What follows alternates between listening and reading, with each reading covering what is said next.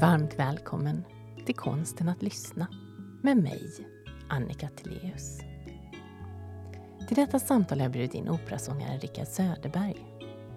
Vi pratar om vikten av att kunna möta både sig själv och andra i tystnad. Om att ha egna fyrtorn att navigera efter när det stormar på ens inre hav. Och att det kan vara en riktig transformation att börja lyssna på sig själv. Samtalet rör sig över ämnen som lek, andlighet och att inte försöka vara någon man inte är. Det här är konsten att lyssna.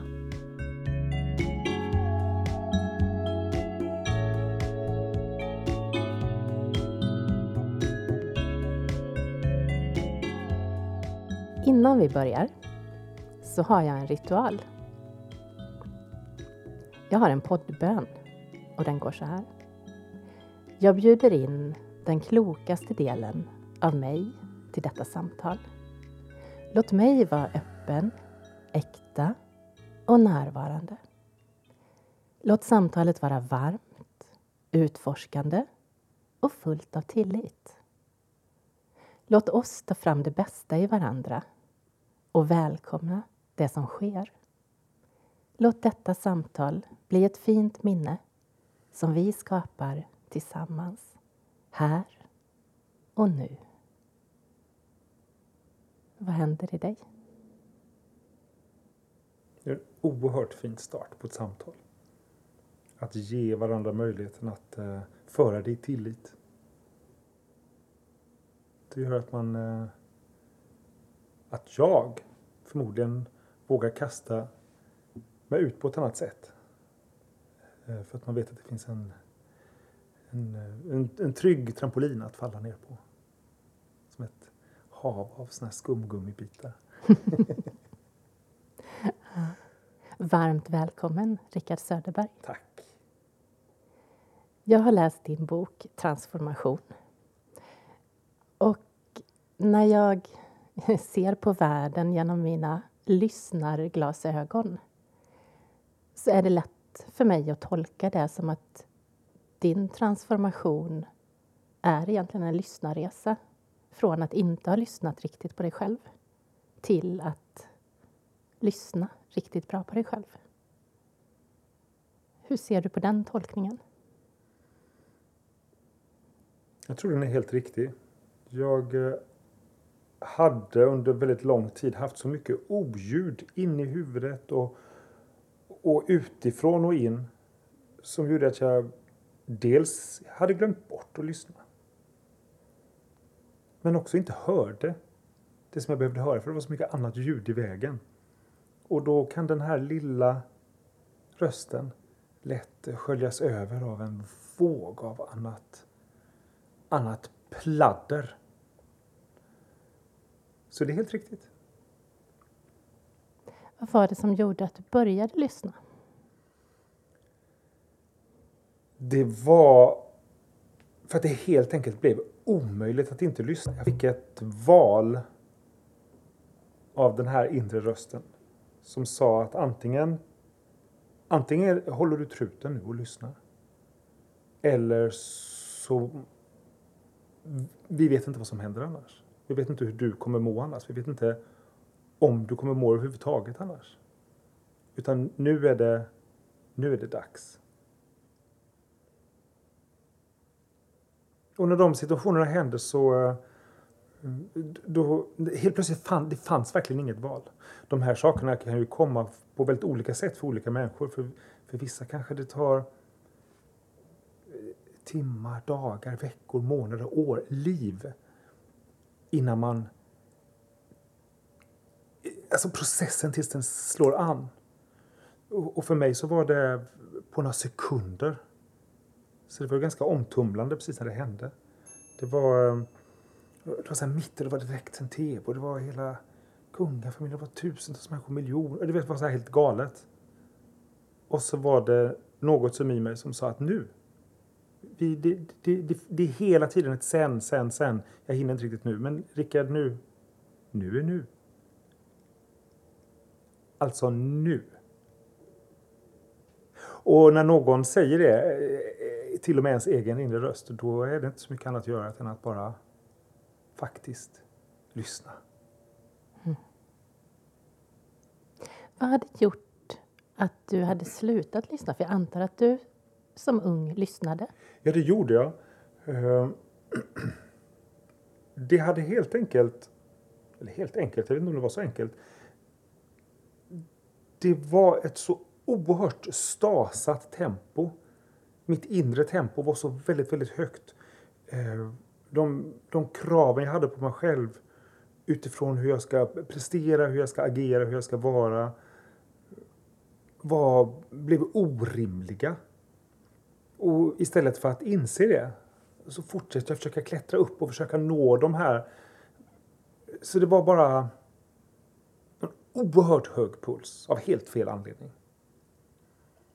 Så, så där högt så att det liksom bara viner i öronen. Både själsligt men också bokstavligt. Så att då... Och när det var som allra mest så här så... Ehm, då hör jag ingenting. Jag hörde ingenting. Förutom vidare, framåt. Liksom aldrig ett steg tillbaka eller att sitta och vara tyst en stund. Nej. Det, det är ju någonting som vi nästan har glömt av i vårt samhälle. Ja. Att det känns som att många upplever att tystnaden är otäck. Ja, men också att tystnaden ju i princip inte existerar. För det finns ju så oerhört lite tystnad. Tystnad är, skulle jag säga, en av de... Jag ska inte säga de värsta föroreningarna för då blandar man ihop det med helt eh, fel referenser. Men med både ljud och ljus, alltså mörker och tystnad är en sån oerhört exklusiv bristvara. Eh, och vi människor, tror inte jag, som de djur vi ju fortfarande är, oförändrade på ett par hundra tusen år, är ju helt ovana vid att det jämt, jämt, jämt, jämt, jämt, jämt, jämt pågår saker. För alla de här ljuden som kommer, någon bil, och en klocka som slog och det var något så, de måste jag ju på något sätt, åtminstone undermedvetet, processa. Och det är klart att hjärnan efter ett tag är så här, men här, jag orkar inte ett ljud till. Nej, då var det liksom ett till och ett till och ett till och ett till och ett till och ett till och ett till. Och ett till. Istället för att bara låta det enda ljudet som sker vara en slags neutralt brus av asplöv som bara dallrar och sen var det det. Och så fortsatte det vara det. Så det är därför jag är så oerhört glad att vi har det här och sätter fokus på att lyssna. Du har ju i din bok sju fyrar, eller fyrtorn. Ja. Ja, vill du berätta om dem? Jag tycker de är så fina. Jag är så här gammaldags av mig att jag... eh, Jag älskar bilden av fyrar. Redan från så här, Homeros tid så behövde man fyrarna för att kunna navigera. Skulle jag överleva om jag var ute på havet så behövde jag se en fyr för att veta hur jag skulle ta mig till land. Så oerhört enkelt. Och för mig har det också blivit så vackert att eh, fyren då är mina musor. Jag, när det stormar i mitt inre hav så är det så mycket lättare att ta sig till en säker plats om jag vet vartåt jag ska åka och jag vet vilka vägar jag ska undvika. Och har jag då en fyr som lyser där, som symboliserar något. Min första fyr är till exempel stillhet. Och då vet jag att om jag ska, om jag ska ta mig vidare någonstans, om jag, om jag ska göra någonting, om den här båten ska åka vidare på det här havet och det stormar, liksom, så behöver jag alltid ta sikte mot den fyren först. Så stanna upp. Andas. Där är den. Okej. Ah. Så jag har då gjort i min fantasi byggt sju stycken stora, ja, men ganska stora, fyrtorn som symboliserar olika saker i mitt liv som, eh, eh, som är de rättesnören som jag känner att det här, det här är mitt credo, det här är det jag vill förhålla mig till, det här är så jag vill skapa min värld.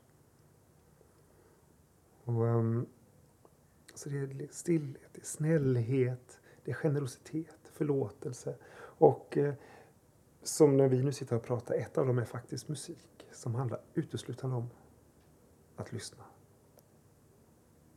Mm. Skulle man kunna säga att vi skapar musik? Hur menar du? Ja, men att eh, bilden av musik är kanske större än musiken i sig. Att det också skulle kunna vara en metafor för att mötas, för att lyssna. Utan tvekan. Eh, musik är ju också ren fysik. Som när jag talar nu, så antingen hör du det direkt i dina öron för att ljudet här inne i, eller luften här inne i det här rummet sätts i svallning. Eller så någon som lyssnar på podden så är det ett, ett membran som vibrerar precis på samma sätt som mina stämband och det blir då en, en, en våg av ljud antingen från sina airpods eller sin Alltså det är ju bara rent fysik. Och de här vibrationerna eh, det är det som är musiken. Och de här vibrationerna är också helt... Eh, de går ju inte att inte låtsas om eller inte stå emot, utan de existerar. Och när man tittar på musik som, som musik, musik, som sjunger eller spelar så här, så har ju varje ton en, en vibration, en, en frekvens. Och sen så om man dubblar den frekvensen så blir det dubbelt så högt. Om man dubblar den en gång till så blir det två gånger så högt och så fortsätter det så här. Och det fortsätter ju, bara för att jag inte kan höra en ton längre betyder det ju inte att övertonerna försvinner. Och om jag tar halverar den så blir den hälften så låg. Och det fortsätter ju också i all, förmodligen, oändlighet.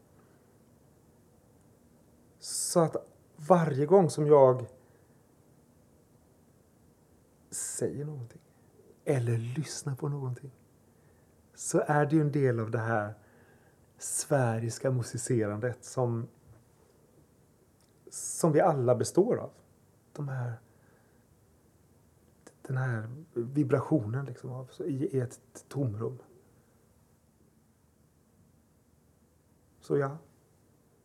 Skulle vi till och med kunna skapa en samvibration genom att sitta tysta? Utan tvekan. Och den kan man ju uppleva. När man sitter med någon. Eller om man kommer in i ett rum och märker så här, oh, vad, vad händer här? Eller vad har hänt här? Eller mm, vad har hänt här? Eh, det är klart att vi, tror jag, är jättekänsliga för, för den rent fysiska vibrationen. Detta är ju inget så här trolleri. Detta är så, så som vi känner världen med de här trubbiga forskningsinstrumenten så långt som vi har nu. Men ja, där är vi. Där är vi. Vad tror du?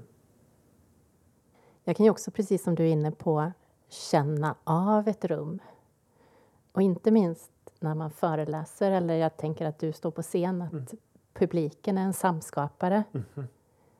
Att det händer någonting och att eh, ju mer närvarande jag kan vara i nuet och fånga upp och också möta det som har hänt tidigare eller händer i rummet. Ju, ju närmare kommer vi varandra och ju bättre blir det. Mm. Men skulle du säga att lyssnandet på något sätt är eh, överordnat eller, eller har en större impact på oss som människor än de andra sinnena? Jag vet inte. Jag, jag fick en gång ett sånt här konversationskort. Sådana ja. där man skulle dra, jag vet inte när det var, men man skulle dra ett kort och så skulle man prata om det runt en middag eller så. Och då fick jag eh, Skulle du helst vara döv eller blind? Ja. Och för mig var det bara en icke-fråga. För min spontana var ju att nej, men jag vill aldrig förlora min syn. För jag såg så många begränsningar med vad jag skulle, inte skulle kunna göra om jag inte såg. Ja. Och så var det min bordsgranne som bara, nej, han, såg det på ett helt annat sätt. Ja. Och, då blev jag, och det här var ju många, många år sedan. Och idag så tror jag att jag har ändrat mig. Jag har nog mycket uppvärderat lyssnandet så mycket och ja. kommunikationen där att jag skulle kunna ha det här samtalet med dig om jag inte såg. Mm. Men jag skulle inte kunna ha det på, med lätthet om jag inte hörde. Nej, det skulle vara en del saker som gjorde att det blev lite i vägen då. Ja, Mm. Och jag tänker ju att det här med att känna av ett rum eller svängningar att det också handlar om lyssnandet, att det inte bara är orden utan att det är för, att försöka förstå. Det handlar inte bara om att höra utan det handlar om att tolka. Vara medveten om vad kommer jag in med? Vad har hänt mig precis innan? Vad har hänt dig precis innan? Och också den här välviljan att vilja förstå. Den tror jag att vi har... Dels har vi tappat stillheten i samhället. Vi har det som du också var inne på, det här höga tempot. Att det tar lite tid att lyssna. Och det, vi behöver hitta, inte bara bestämma tid och plats utan kanske också i vilken ton och tempo ska vi mötas. Wow! Ja, jag fattar precis. Och där kan vi lyssna. Men att tonen också handlar om, kommer jag in med välvilja? Vill jag försöka förstå dig? Eller samtalar jag med dig för att hitta en... eh, Alltså fatta hur världen hade sett ut. Om det fanns en lite större intention och vilja till att faktiskt mötas. Jag älskar, nu är vi hemma hos mig och du kom hit för, för någon timme sedan så här och, eh, och jag gick ut och så här bryggde lite kaffe och lite te och sånt. Jag måste låta dig få eh, vara lite här själv och liksom känna in och lite så inte jag börjar styra eller kontrollera dig när du kommer hit. Här, här ska vi sitta, gör det här utan du får packa upp dina, dina mikrofoner, liksom lulla, lulla omkring lite. Och det är också så fint för att du är så oerhört receptiv för, för den, ehm, det mood som jag, som jag skickar ut. Och, och möter mig där. Det är fantastiskt. Tack. Och tack för att jag får så fina förutsättningar. Ja. Ja, alltså bra samtal blir ju alltid ännu bättre. om förutsättningarna är goda. På, och det är ju olika för olika samtal. Vissa samtal behöver en kopp kaffe. Andra samtal behöver en promenad. Och andra samtal kanske behöver, behöver något som är agiterat. Alla samtal måste ju inte vara zen-buddhistiska. Liksom. Det kan finnas en helt annan energi också som behöver komma ut och som behöver ventileras. Men var samtal på sin plats. Och att också kommunicera vilka förväntningar har jag. Vill jag ha goda råd? Eller ska vi bara bubbla på och komma på med så många idéer vi bara kan? Just det. Eller vill jag att du bara lyssnar? Men kan man alltid uttrycka det till den man talar med? Nej, jag tror att vi har glömt att vi kan uttrycka ett sådant behov. Men finns det situationer när det inte är helt lämpligt att först uttrycka vilket behov man har eller vad man förväntar sig av ett samtal? Jag vet inte. Vad tänker du? Har du någon situation du tänker på? Ibland kanske samtalet, eh, om jag är tydlig med min intention, att det inte behöver avtalas. Nu, nu förväntar jag mig att du lyssnar på det här sättet. Utan att jag bara med min, med det jag skickar ut och det som någon annan kan höra mellan raderna.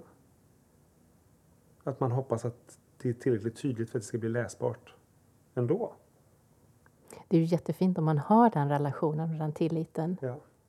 Det är klart det kanske är svårt med någon som man aldrig träffat. Så ska man... Eller det kanske inte. Hmm. Ja, spännande. Och det är också intressant. Vad skulle hända om man ställde frågan till dem man har nära? Vad skulle hända med en relation där man inte brukar prata om vilken längtan man har? Mm.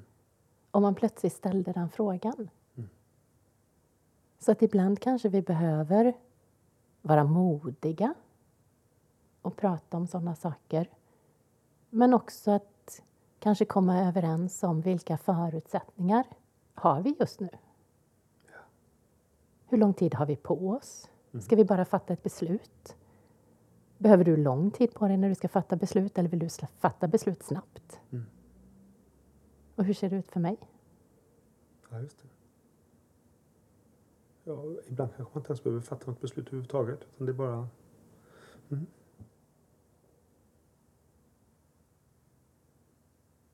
Det finns i samtal en sån, det här vet jag, är- man är ju likadan själv, sån oerhörd stress ofta att komma vidare eller gå vidare, eller en sån rädsla för tystnad.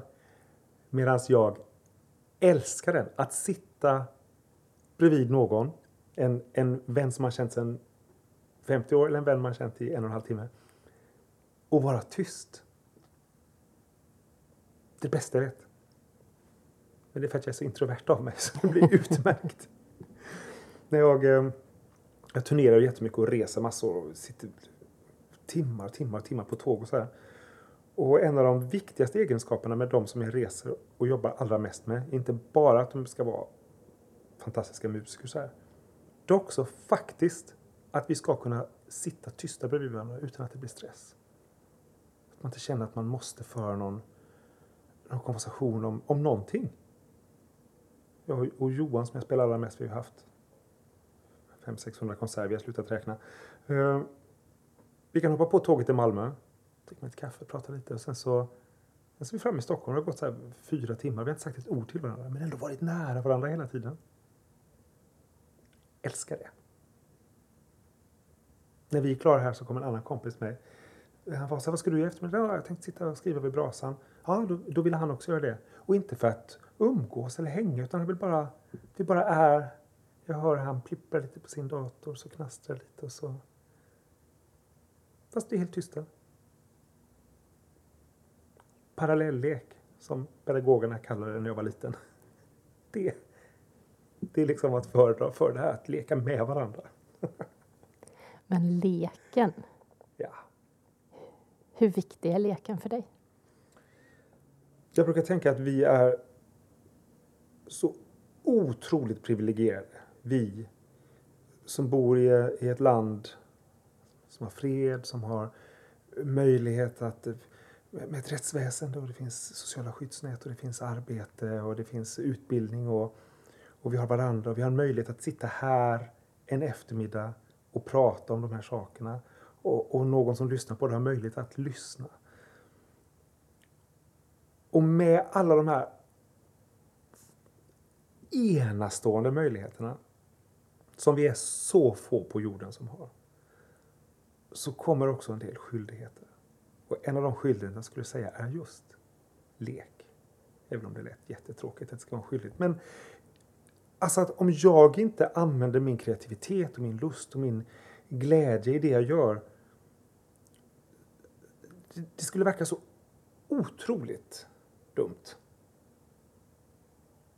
Att inte försöka sprida det, att inte försöka odla den lusten och den leklusten. För att om, om inte vi gör det, alltså att bara försöka sprida det, mata den vargen som man säger. Så att fler och fler och fler kan få vara där istället för att stoppa sig själv från, ja så, så leken. Det, det är hela mitt liv. Utbildning i så här stildans som jonglering. Det är ju liksom lek från början. Musik är lek. Det var någon som skrev Igår så planterade vi om alla mina blommor hemma. Så skrev jag på Instagram, jag var tvungen att åka iväg och ha föreställning. Så var jag så här, oh nu är Anders hemma och städar. Det var någon som skrev så här, åh du, du åker iväg och leker och Anders är hemma och städar. Och ja, så var det igår. Så den lusten, det är en fantastisk, otrolig drivkraft som jag också är så oändligt ödmjuk inför. Jag känner igen det där med hur leken och glädjen hjälper mig in i det kreativa. Och att när jag betraktar någonting som lek så, så slipper jag prestationen. Ja. För det handlar ju inte om vem som kan leka bäst. Nej. Utan att då, fin- då finns det ett annat, framförallt hos mig själv, acceptans av att nej men, jag kan ju inte det här från början. Och det är okej. Var det en faktor för dig när du hoppade av så här toppjobb för att börja leka, lyssna och skriva och podda? Var, var lusten och leken en... Fanns det i ekvationen? Åh, vilken härlig insikt. Mm, inte medvetet. Men det var nog den jag saknade. Att, jag hade, att det blev lite på rutin, att det blev vad som förväntades, att jag inte blev överraskad. Så det var nog den här att jag vill vara i närvaron. Och det kan vara... Det kan också vara att vara i en situation som jag inte har varit i förut. Eller som, som att podda där jag vet att ja, men jag har en idé och jag har stödfrågor. Men att ändå inte veta vart det tar vägen. Och att det är tjusningen. Det där stödfrågorna, det är bara en... De finns. Mm. Och där ska man hitta människor som man kan leka med och göra det här. Du frågar när vi börjar så här, vill du veta? Nej, jag vill inte veta, så jag vill bara... För att det hade varit omöjligt att förutse var vi skulle hamna, precis som du säger. Ja, och sen kanske det hade varit om du hade känt att nej, jag är inte på så lekfullt humör utan jag vill veta lite mer. Då hade jag ju kunnat skapa bättre förutsättningar för dig mm. genom att ge lite mm. några frågor i förväg eller rama in lite mer. Är det här applicerbart inte bara på en podd utan också på hela vårt liv? Det skulle väl vara fint. Hur gör man då? Slappnar av. Våga dra ner tempot. Och övar sig i att vara här och nu. Vi kunde ju det när vi var barn. Vi var ju så otroligt inne i våra lekar. Ja. Och sen när, när vår kommunikation inte räckte till, ja men då slog vi varandra med spadarna. Mm. Och det kanske vi ska komma ihåg i dagens samhälle också att när vi känner att vi vill ta spaden och slå någon annan, ja. då är det för att vi inte klarar att kommunicera riktigt. Ja. Vi är också drivna ur kommunikation. Det som skiljer oss, en av de sakerna som skiljer oss från, från de djur som vi ju är, är ju vår oerhört förfinade förmåga att, och vår vilja till att utveckla sättet att kommunicera. Alltså det, vi har hittat på ord och språk bilder och hur mycket som helst bara för att vi vill kommunicera. Sen kommunicerar säkert djur på massa andra sätt som vi inte fattar. Men det gör ju vi också. Kommunicerar på sätt som vi inte fattar. Jag till och med jag fattar inte riktigt hur en mobiltelefon funkar. Jaha, du tänker så. Jag tänkte mer så här. liksom jag vet, jag vet att du tänker så.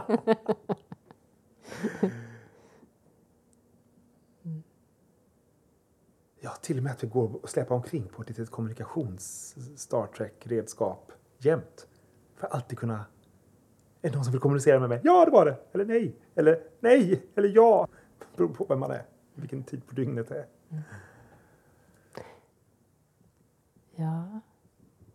Jag blir nyfiken på eh, andlighet. Vad är det för dig? Å ena sidan är det en eh, en svår fråga för att ordet i sig är så stigmatiserat. För att alla, eller många, har en, en egen bild som redan är lite eller mycket klar av vad det kan betyda eller vad man stoppar in i det. Så att bara säga att andlighet är jätteviktigt för mig betyder egentligen ingenting för det betyder olika för varje person som hör det. Men för mig så är det en, eh, en närvaro där jag accepterar och gillar läget att vara en liten, liten del av något som är mycket, mycket större. Och att den lilla delen, bara för att den är mycket, mycket liten, fortfarande är mycket, mycket viktig. Men det är att vara i anden för mig. Hur kommer du dit? genom att vara i anden. Att andas. Genom um, musik. Jag har, jag har så många spellistor som försätter mig så omedelbart i olika både sinnesstämningar och, och kreativitetsmodes. Vilket flöde jag vill vara i för att jag påverkas så starkt av det jag hör. Jag kommer till,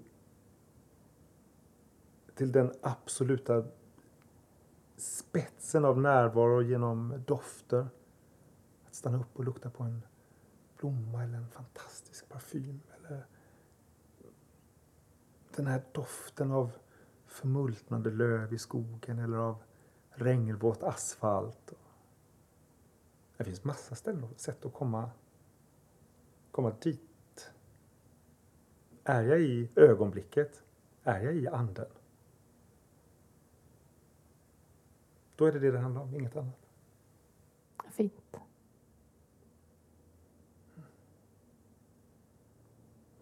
Har du fått tillgång till den under din transformation eller hade du tillgång till den redan innan?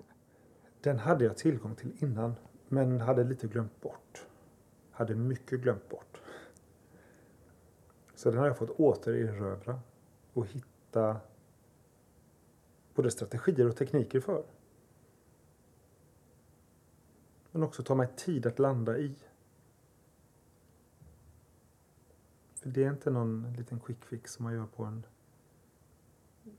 fem minuter. Eller det är liksom helt ointressant att det ska, att det ska presteras. Det, det går inte heller att vinna det som leken. Det, jag kan inte, nu ska jag vara bäst på att vara nära. Det är liksom helt, det är för min egen skull. Det är bara jag i det ögonblicket.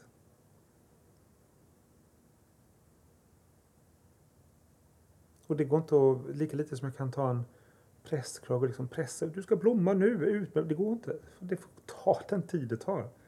Och så får jag bara ge blomman eller mig själv lite näring, lite ljus, lagom värme, lagom vind, lagom ande. Så kommer jag nog blomma. Vet du vad, jag har tagit med en dikt som heter Frösådd. Mm. Alltså vilken tid... det, det här är ju nästan regisserat. den här dikten som heter Frösådd, den går så här. Ta reda på mina behov och tillgodose dem. Mylla ner mig likt ett frö i jorden. Vattna mig lagom. Ge mig ljus och värme och vila på natten. Låt mig få växa och utvecklas. Se till mina förutsättningar. Förvänta dig inte solrosor ur maskrosens frö och kväv inte rosor med ogräs. Ge mig det jag behöver och jag ska blomma. Exakt så. Exakt så. Mm. Jag har med mig ibland när jag föreläser eh, ekollon eller kastanjer och smörgåskrasse. Sådana här små, små mm. smörgåskrassefrön. Ofta har jag odlat upp dem så de till och med luktar efter så här fyra dagar, nästan färdiga. Eh, och pratar runt de här olika förväntningarna vi har. Mm. Vad förväntar jag mig? Jo, men jag planterar ekollon och så förväntar jag mig att de ska ha sin storhetstid efter fyra dagar, precis som smörgåskrassen. Mm. Men jag kan ju inte stressa på dem, hur mycket jag än tittar eller vattnar eller vad jag än gör. Jag hörde någon som sa att en ek tar 300 år på sig att växa. 300 år på att ja, var mogen och 300 år på sig att dö. Och det ger ju lite perspektiv. Vilka fröer sätter jag i mitt liv idag? Och när förväntar jag mig att de har nått sin storhetstid? Jag kanske behöver parera lite grann så att jag har både smörgåskrassefrön på gång så att jag kan få lite skörda lite hela tiden men att jag också planterar de större fröerna. Mm. Och att det också kan vara eh, en liknelse för mina egna talanger. Så länge jag inte planterar dem så har jag ju de här fina fröerna. Men den dagen jag sätter ett frö i jorden så äventyrar jag också det. Det kanske inte tar sig. Mm. Det blir inte vad jag har tänkt mig. Och ibland tror jag att vi människor kan vara lite fega. Att så länge jag har fröet mm. så och inte vågar plantera det så, så har jag ju min talang att falla tillbaka på. Mm. Jag gillar den bilden. Framförallt att inte förvänta sig solrosor när man placerar en maskrosfrö. Vi gör ju oss bara själva en otjänst genom att gå omkring och och tycka och tänka att vi ska vara något annat än vad vi är. Det är ju helt vansinne. Vi gör det alla, jag gör det också hela tiden. Men det är ju så otroligt dumt. För jag är ju det jag är. Och är jag en, en maskros så har jag ju en superviktig funktion precis som den. Och, och går jag omkring och tänker att jag borde vara en sol. Det är så dumt som. Ja, och vem är det som bedömer att det ena är finare än det andra? Det finns en sån far side-bild. En sån tecknade serie med en elefant som sitter i något träd eller en fisk, jag vet inte. Det är så här, kontexten av den är att en elefant är inte dålig varför den inte kan simma. En fisk är inte dålig varför den inte kan sitta i träd och flyga. För det är bara helt olika saker. Mm. Precis som du och jag är två helt olika människor med olika, olika allting. Jag ställer inte mig på en scen för att sjunga. Det vet vi inte förrän vi har testat. Du står ju redan på scen och pratar. Ja, det gör jag gärna. Ja. Mm. Men alltså är, är man en fisk så ska man ju försöka vara den bästa fisken man är, kan vara. Den mm. högsta bilden av vad en fisk kan vara. Och är man en, en elefant så får man vara den högsta bilden av vad, vad man ser av den där elefanten. Jo, och det är så självklart när jag sitter och säger det och vi vet det alla. Och sen går det två minuter och så har jag glömt bort det. Mm. Och så är man fisken som försöker klättra i träd. Exakt. Mm. Ja, det är en bra bild att påminna sig om. Handlar det också om det här med att sätta mål? Jag tänker lite grann på resan kontra målet. Hur ser du på det? Å ena sidan så älskar jag mål. Det är att ha tydligt uppsatta mål. Jag vet vart jag ska. Jag arbetar för att uppnå det. Det finns en tillfredsställelse i att se att man närmar sig, att jag kanske uppnår det eller, eller att det förändrar sig när jag kommer närmare, att det var inte det jag trodde.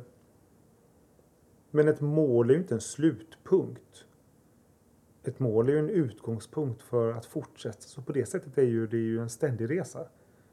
Även om det är små milstenar emellan. Med stanna till vid.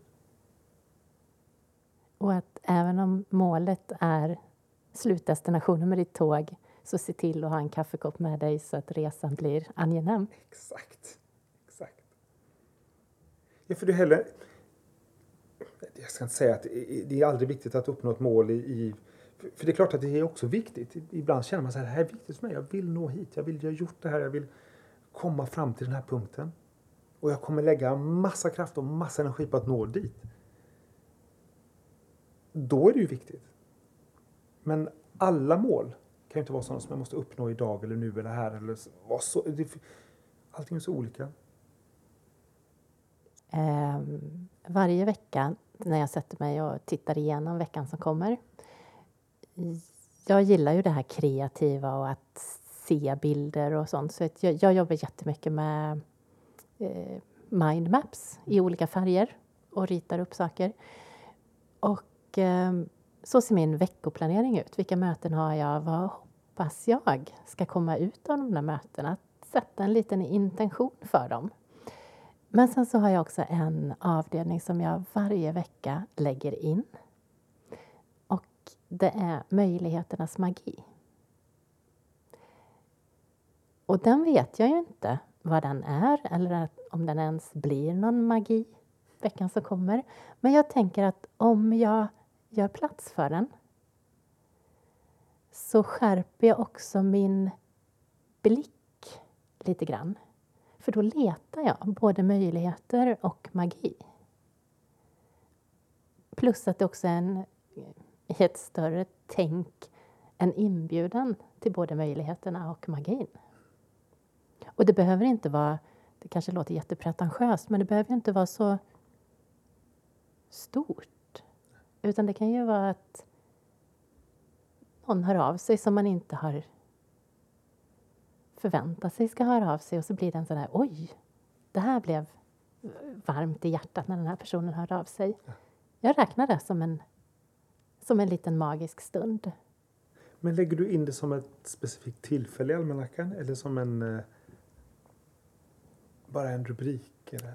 Bara som en rubrik. Det är inte så att det är liksom tisdag Klockan 14, 9.30. då är det magi. Ja, då är det magi.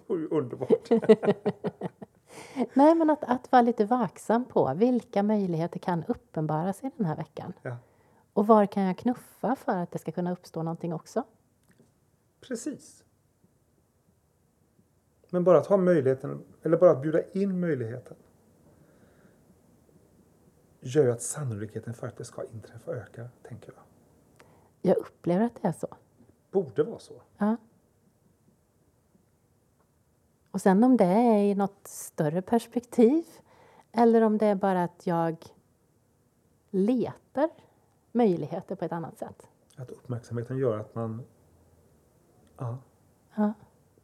Och bara den där känslan av att ja, men vad skulle jag kunna skapa eller vem skulle jag kunna höra av mig till?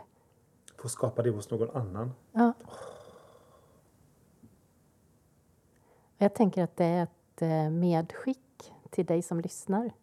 Att fundera över vad skulle vara möjligheternas magi hos dig?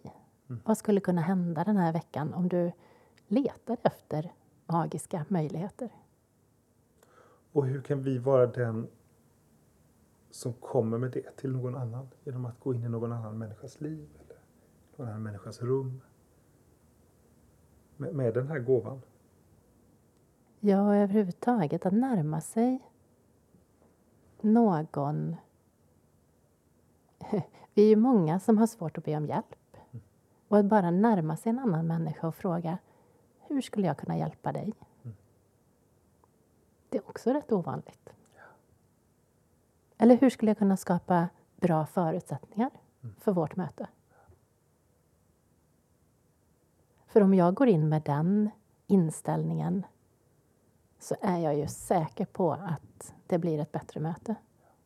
Och ibland kanske det inte ens måste resultera i ett möte utan bara vetskapen om att där finns någon som om jag skulle behöva det kommer finnas där. Räcka. Mm. Och det räcker med ett, ett mest där man bara, jag, jag finns här, du vet det, jag bara påminner om det. Mm. Inget, inget pressure på att svara, men bara veta om det. Hej då. Mm. Nej, för det är när det händer, och om det händer traumatiska saker i andra människors liv kan vi ibland bli så rädda, jag vet inte vad är rätt att säga. Kan bli, men att bara säga, jag vet inte vad jag ska säga, men jag finns här. Vi visste inte exakt vad vi skulle säga, men vi fanns här Och vi sa det vi sa. och det blev som det skulle. Ja, Stort tack, Rickard. tack själv.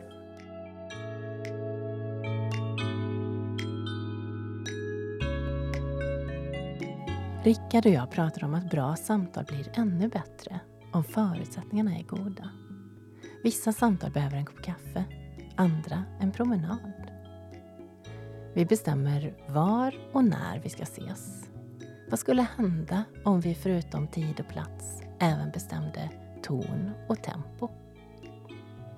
Hur skulle världen se ut om fler vågade lyssna på sig själva och på andra på riktigt? Vill du boka mig som föreläsare, kursledare eller facilitator så kan du läsa mer på min hemsida annikateleus.com eller skicka ett mejl till annika.annikateleus.com. Vill du veta mer så finns Konsten att lyssna även som bok som precis har släppts i stor pocketversion. Vill du att fler ska bli bättre på att lyssna så tipsa gärna om podden. Tack för att du har lyssnat.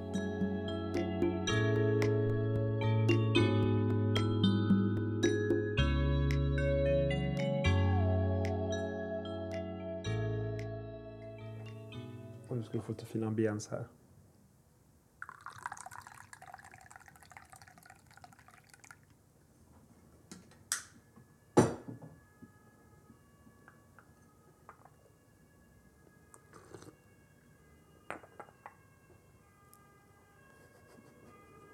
Kan din man få klippa och klistra med.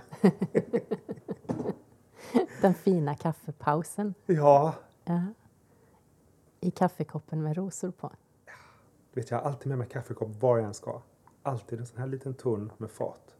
För jag kan inte, jag kan inte dricka kaffe som ett djur ur någon stor pappmugg. Eller, jag kan, kan jag väl. Men eh, nej, det här. På alla turnéer, alla tågresor, alltid. Lilla koppen med. Också för det här ljudet. Alltså, det händer någonting i mig så fort det kommer på. Min morfar när jag var liten som drack kaffe på fat. Han satt med sånt här, så hällde upp kaffet på fatet. Som sockerbit mellan tänderna, så drack han från fatet. Alla de här minnena av det här Anders mammas eh, koppar. Då är hon med lite på ett hörn. Mm. Men så fint att bjuda in dem. Ja. Och att också vara medveten om hur du får den här guldkanten, rent faktiskt fysisk Den är guldkant. bortdiskad nu men... Ja. Mm-hmm.